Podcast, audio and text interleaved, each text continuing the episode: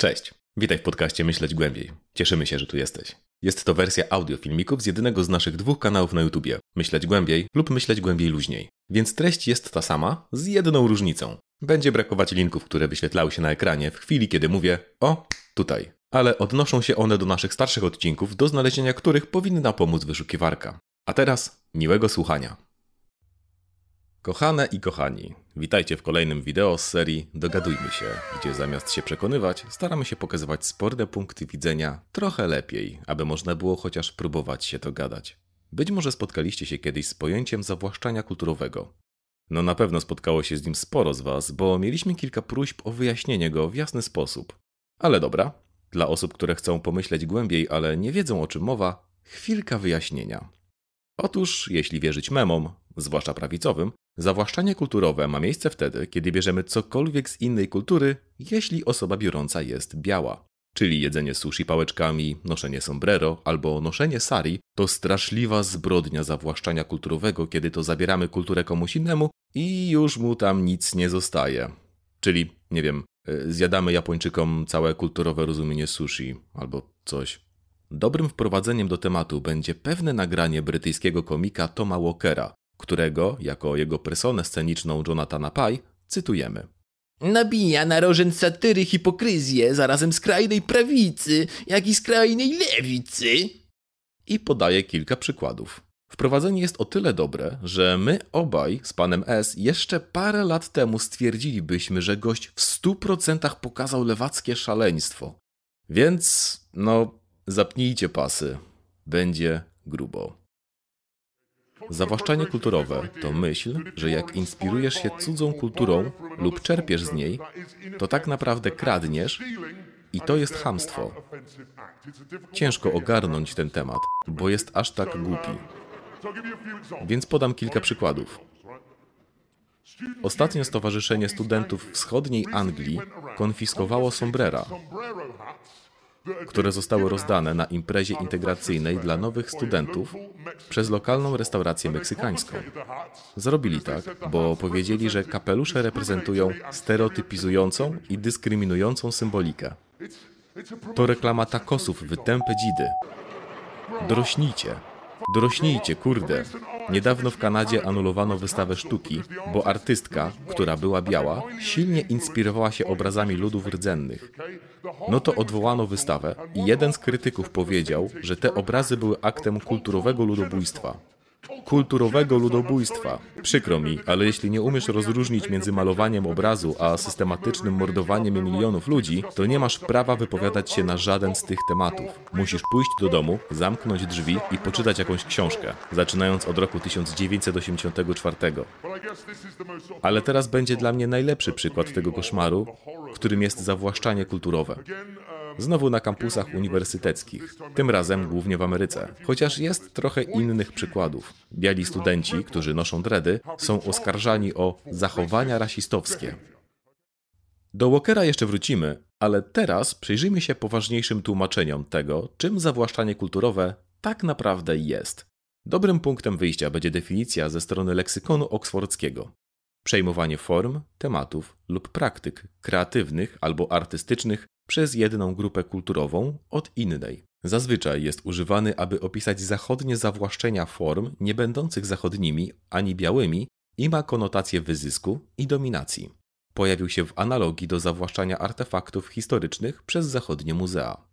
Więc widzimy pierwszy punkt niezgody. Nie każde zapożyczanie będzie zawłaszczaniem, a tylko takie, w przypadku którego mamy do czynienia z jakimś wyzyskiem lub dużą nierównością władzy. W innych wyjaśnieniach często mówi się o niezrozumieniu kultury, z której się zapożycza. Okej, okay, zatem termin zawłaszczanie kulturowe wywodzi się z kręgu badań zwanego teorią postkolonialną, która wyłoniła się dopiero w latach 80. W dużym skrócie to nurt teorii krytycznej, który skupia się na kwestiach tego, jak wyglądają społeczeństwa, które kiedyś były koloniami. A teoria krytyczna to w jeszcze większym skrócie coś jakby historia i socjologia, ale mniej skupione na pojedynczych osobach czy wydarzeniach, a bardziej na strukturach i przepływach władzy. Długi temat, w każdym razie. Za początek tego pojęcia często uznaje się tekst Kennetha Kutsa Smitha z 1976 roku. Mówi o zjawisku, kiedy jakaś sztuka rdzenna zostaje wykorzystana do stworzenia sztuki wysokiej lub popularnej, a ta znowu jest wystawiona na sprzedaż, w wyniku czego elementy kultury rdzennej są banalizowane tylko po to, aby można się było na nich dorobić. A osobami dorabiającymi się nie są bynajmniej przedstawiciele tej kultury, tylko przedstawiciele kultury dominującej. Dobra, mamy podstawy, to przejdźmy do mięska, czyli soi, czyli Walkera. Ostatnio Stowarzyszenie Studentów Wschodniej Anglii konfiskowało sombrera, które zostały rozdane na imprezie integracyjnej dla nowych studentów przez lokalną restaurację meksykańską. Zrobili tak, bo powiedzieli, że kapelusze reprezentują stereotypizującą i dyskryminującą symbolikę. No, mniej więcej tak wygląda ta historia. Detale są takie, że ta restauracja nazywa się Pedro's Tex-Mex Cantina, więc nie jest stricte meksykańska, a teksańsko-meksykańska. A jej menadżer, człowiek o mało meksykańsko brzmiącym imieniu Matthew Ward, powiedział, że chciał tylko celebrować meksykańską kulturę. Więc mamy sytuację, w której jest kultura dominująca, amerykańska, która stara się wykorzystać artefakty kultury meksykańskiej. Ale czy to na pewno jest celebracja? Czy skojarzenie sombrera i Meksyku będzie jakieś odkrywcze, wzbogacające, albo będzie pochwałą dla tej kultury? No, nieszczególnie. To raczej najtańszy stereotyp. To reklama takosów w tępe dzidy. Dorośnijcie. Dorośnijcie, kurde. To dziwny argument. Jakby fakt, że to jest robione tylko dla kasy, miał w jakiś sposób usprawiedliwić tę sytuację? W rzeczywistości to tylko ją pogarsza, bo nie ma żadnej celebracji. Jest robienie kasy na stereotypach. A jak już mowa o stereotypach, to wyobraźmy sobie taką pewną sytuację, przejaskrawioną, ale na takich lepiej widać. Załóżmy, że w alternatywnej wersji świata słyszysz od obcokrajowca coś takiego. Nie, słuchaj, ja jestem wielkim fanem Polaków. Naprawdę. Znam nawet masę polskich słów, jak e, busia, jak się masz i oczywiście kurwać. Klasyk. Wiedziałem, że ci się spodoba. Kurwać, kurwać, Polska. Wiedziałem, że się będziesz śmiać. Jesteś zajebiasty. Typowy Polak. Bo wiesz, ja się wychowałem na historiach polskiego bohaterstwa, wiesz? Na husarzach pod Grunwaldem. No, no i widzisz, przez to jestem fanem polskiej kawalerii. E, Polskie kuniki, co nie? Słuchaj, to było takie wspaniałe bohaterstwo. Normalnie mam łzy w oczach, jak pomyślę o wrześniu 39, o tych wszystkich dzielnych kawalerzystach, którzy na swoich wiernych kasztankach szarżowali na czołgi i próbowali powstrzymać odebranie wam niepodległości. To taki piękny obraz, prawda? Waszej czystej ludzkiej odwagi i naszej zimnej, mechanicznej cywilizacji. I to, że przegraliście, jest takie smutne, bo nie zabrakło wam ducha, a zwyczajnie technologii.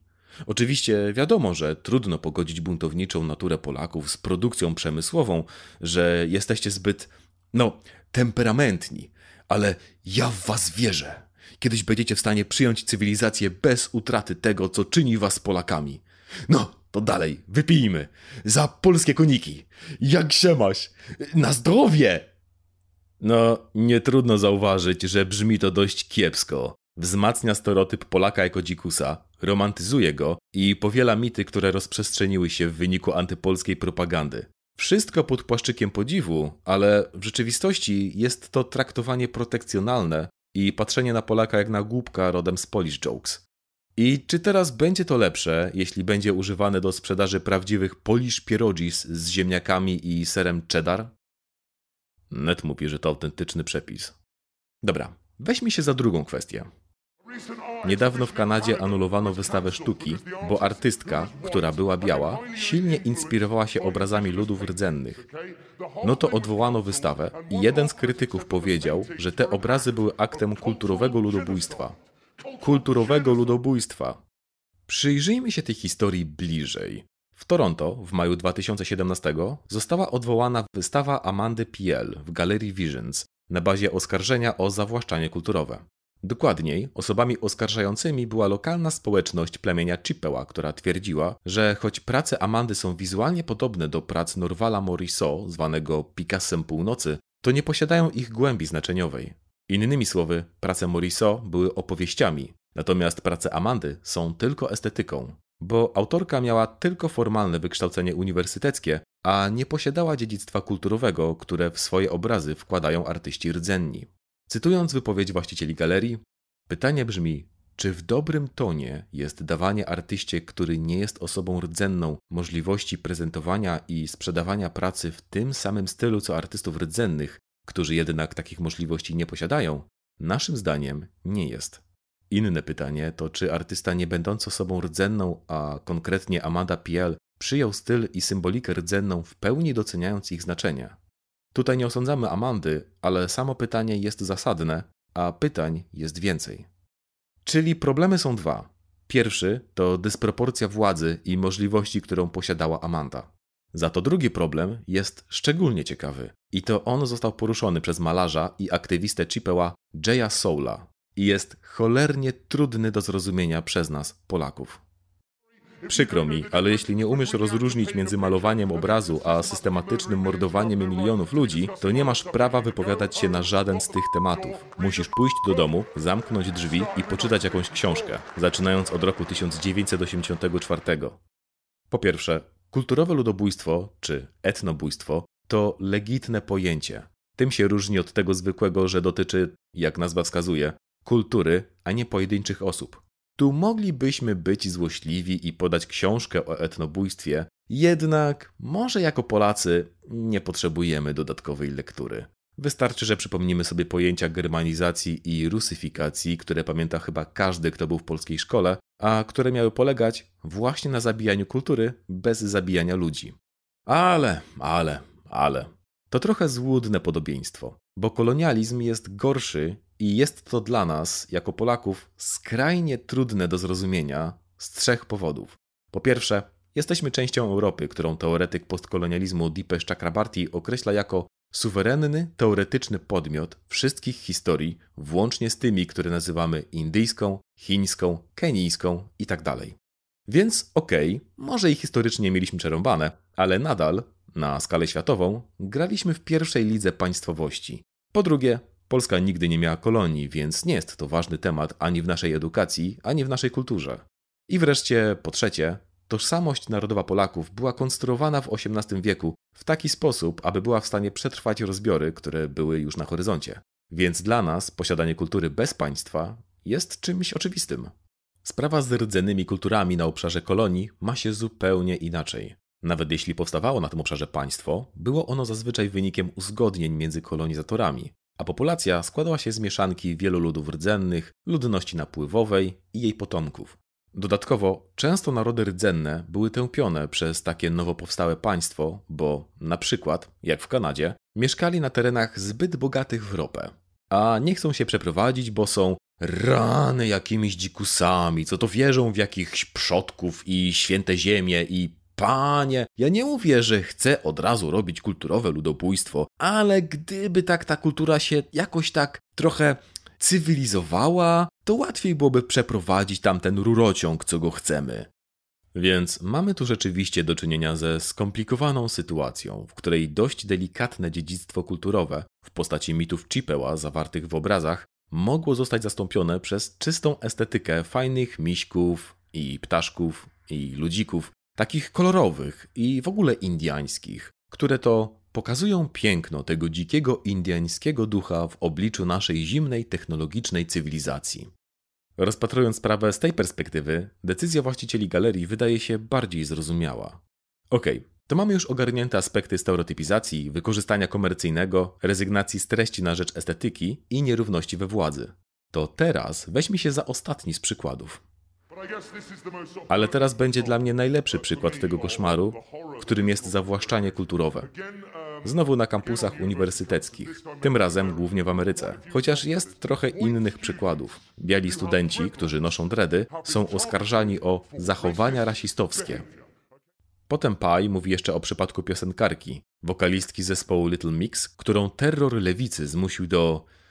E, skasowania zdjęcia z Instagrama. Czyli dosłownie tego, o czym pisał Orwell. No ale to się też wyjaśni. Zacznijmy od ostatniego elementu układanki, czyli od słowa rasizm. W Polsce, kraju jednak dość jednolitym etnicznie, rasizm kojarzy nam się zazwyczaj z uprzedzeniami, które żywią poszczególne osoby. Od nie lubisz takich a takich ludzi, jesteś rasistą. Wyjaśnione. Siemanara. Za to w krajach z przeszłością kolonialną, a tym bardziej w byłych koloniach, rasizm był głównym kryterium podziału społecznego i podstawą sprawowania władzy. Oddzielał ludzi cywilizowanych, którzy mogli rządzić, od dzikusów, którymi należy rządzić. Ponieważ opierał się na nim system władzy, używa się w tym kontekście określenia rasizm systemowy. I teraz, na przykład w takim USA, rasizm systemowy nadal ma się dobrze. Tak, nawet po Martinie Lutherze Kingu. Po prostu przybrał bardziej pokrętne formy, o których mówiliśmy w naszym wideo o polityce do whistlingu. O, tutaj. I teraz to może być zaskakujące, ale jednym z ciekawych przejawów rasizmu w USA jest podejście do włosów. Tak, kochane osoby, szykujcie się na krótki kurs historyczny fryzjerstwa rasowego. Otóż osoby czarnoskóre posiadają specyficzny rodzaj włosów, na skali Andre Walkera oznaczany jako 3 lub 4. Im wyższy numerek, tym włos jest bardziej kręcący się, ale też bardziej kruchy i wymagający specjalnych środków ochrony oraz specjalnych fryzur.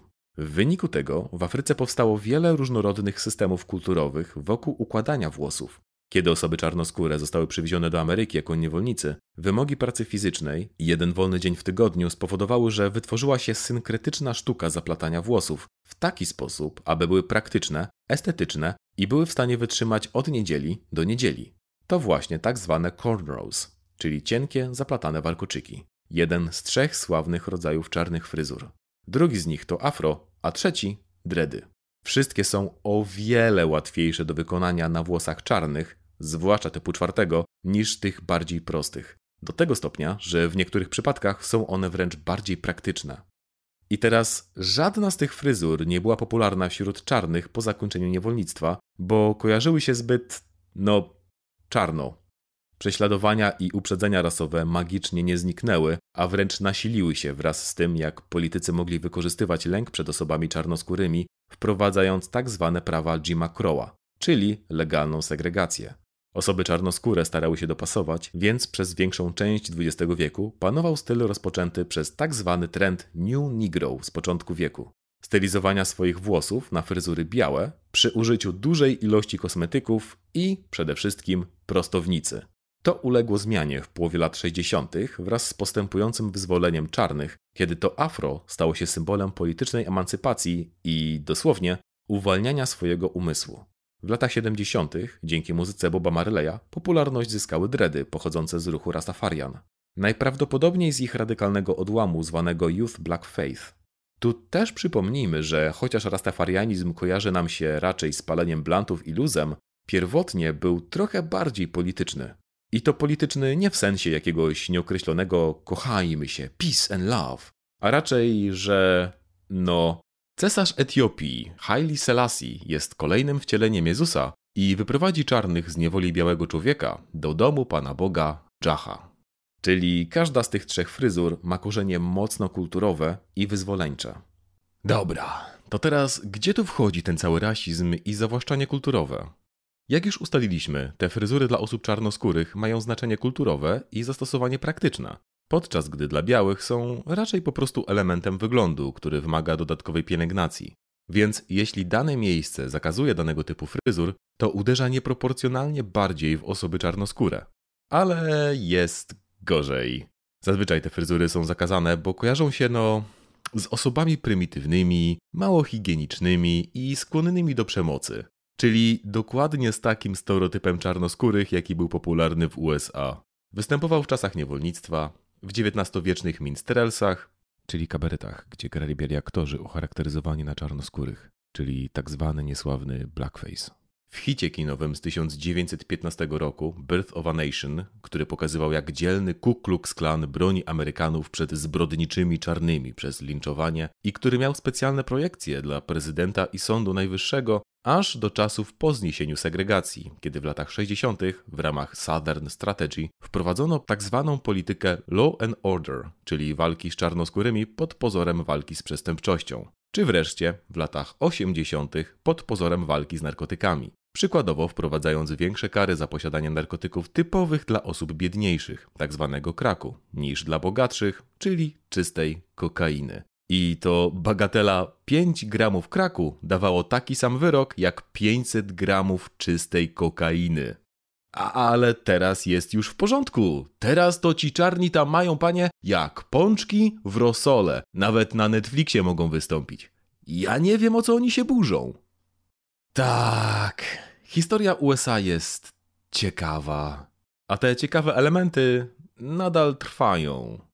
Ech, w każdym razie, to wszystko powoduje, że jeśli ktoś biały nosi czarne fryzury, to wygląda fajnie, taka trochę odważna styluwa, na bandziora. Ale jeśli tę samą fryzurę nosi osoba czarna, to wygląda zbyt czarno, jakby y, taka groźna styluwa y, na bandziora. To szczególnie jest widoczne w przypadku gwiazd, jak wspomniana przez naszego komika wokalistka, ale najbardziej absurdalny przykład pochodzi z 1980 roku, kiedy pewnego dnia afroamerykanka Renee Rogers przyszła do pracy w American Airlines w nowej fryzurze, właśnie w cornrows. Została poproszona o zmianę lub ukrycie jej. Uznała to za dyskryminację i podała pracodawcę do sądu, który stwierdził, że to nie jest dyskryminacja, bo tę samą fryzurę nosiła biała aktorka Bo Derek w filmie Ten, hicie z zeszłego roku. Więc włosy Rogers nie musiały wiązać się z jej własną kulturą. Innymi słowy, biała aktorka zgarnęła całą sławę za nowy styl, a czarnej pracownicy odebrano przez to prawo do ochrony przed dyskryminacją. Hm. Można tu dokonać oświeconego centryzmu i powiedzieć, że ej, przecież prawo jest uczciwe, bo biała osoba też nie mogłaby nosić zaplatanych włosów. Błąd jest jednak taki, że mówimy o różnych grupach, które mają różną kulturę i nawet różną fizyczność. To jakby powiedzieć, że zakaz aborcji jest uczciwy, bo nie mogą jej wykonywać ani kobiety, ani mężczyźni. Okej, okay. omówiliśmy Walkera, ale w trakcie przygotowań do odcinka znaleźliśmy jeszcze jeden popularny przypadek. Historia Kezai Dam, osiemnastolatki, która na studniówkę ubrała się w chińską sukienkę Chi Pao, co spotkało się z ostrą reakcją na social mediach, między innymi z hasłem Moja kultura nie jest twoją cholerną sukienką na studniówkę. Według New York Timesa negatywny oddźwięk był najbardziej widoczny w społeczeństwie Amerykanów chińskiego pochodzenia. Natomiast w samych Chinach Dam spotkała się raczej z pozytywnym przyjęciem i była chwalona za krzewienie chińskiej kultury. Teraz można byłoby powiedzieć, że głupie Chińco-Amerykany nawet własnej kultury nie rozumieją. Ale czy w obliczu tego, o czym mówiliśmy, możesz domyśleć się, skąd taka różnica w reakcjach?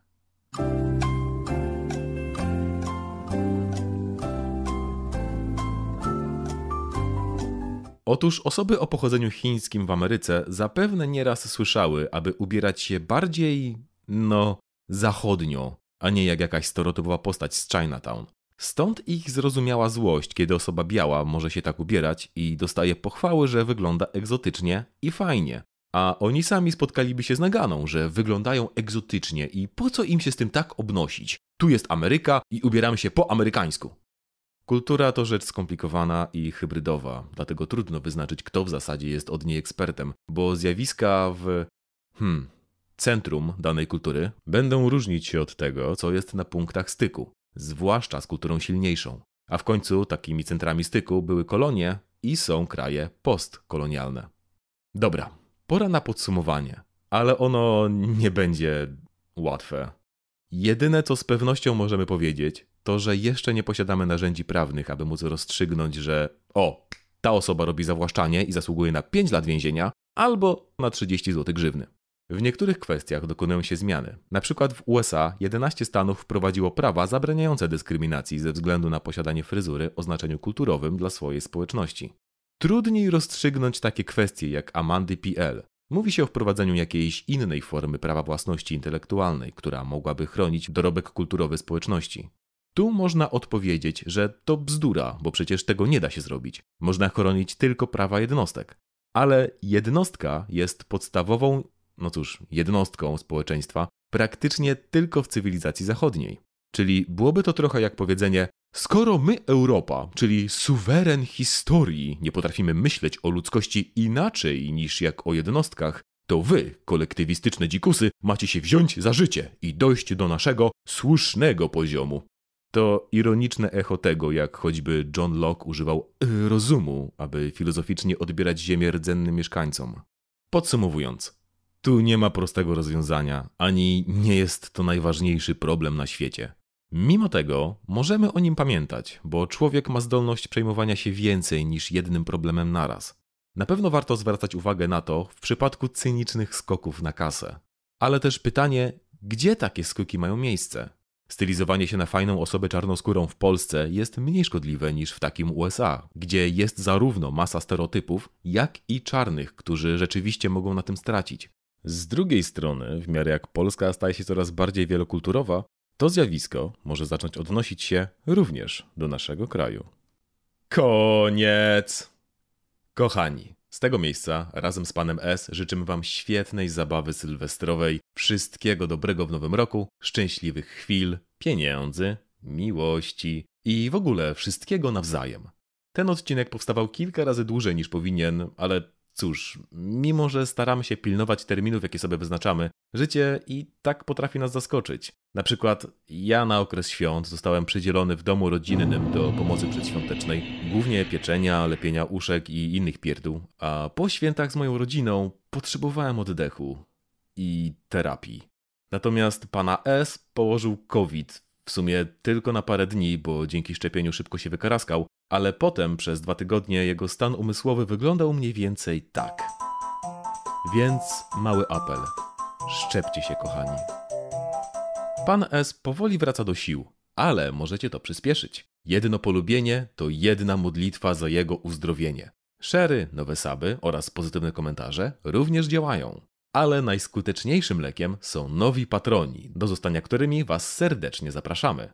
Ogromnie dziękujemy również naszym dotychczasowym wspierającym, a między innymi to Adam Bonusiak, Adam Kępiński, DDDDDDDD, Jean, Jacek Kiliański, Janusz Grażyński, Konrad Wawrowski, Kowi BZ, Król i Królik, Loken, Małgorzata Sajnok, Mariusz Wo, Mordechaj Gumibaum, Ouli, Patrycja, Paweł Litwinowicz, Praptak, Rafał Podgórski, Sachi, Sushi oraz Wodzu Metal. Więc, kochana osobo, jeśli też byś chciała się pojawić na tej liście, albo abym nawet przeczytał Twoje imię moim seksownym głosem, proszę zajrzyj na naszego patrona i daj się zaskoczyć naszymi niskimi progami. Zabrzmiało jak ktoś stanie reklamy, ale mam zakaz śpiewania, bo ostatnia piosenka podobno gorszyła ludzi. E, no nic. Dziękujemy Wam za obejrzenie i za cały 2021 rok bycia z nami. Dziękujemy też w imieniu zwierzątek, Waszych, naszych i sąsiednich za niestrzelanie petardami w Sylwestra. Do obejrzenia w nowym roku. Bawcie się dobrze.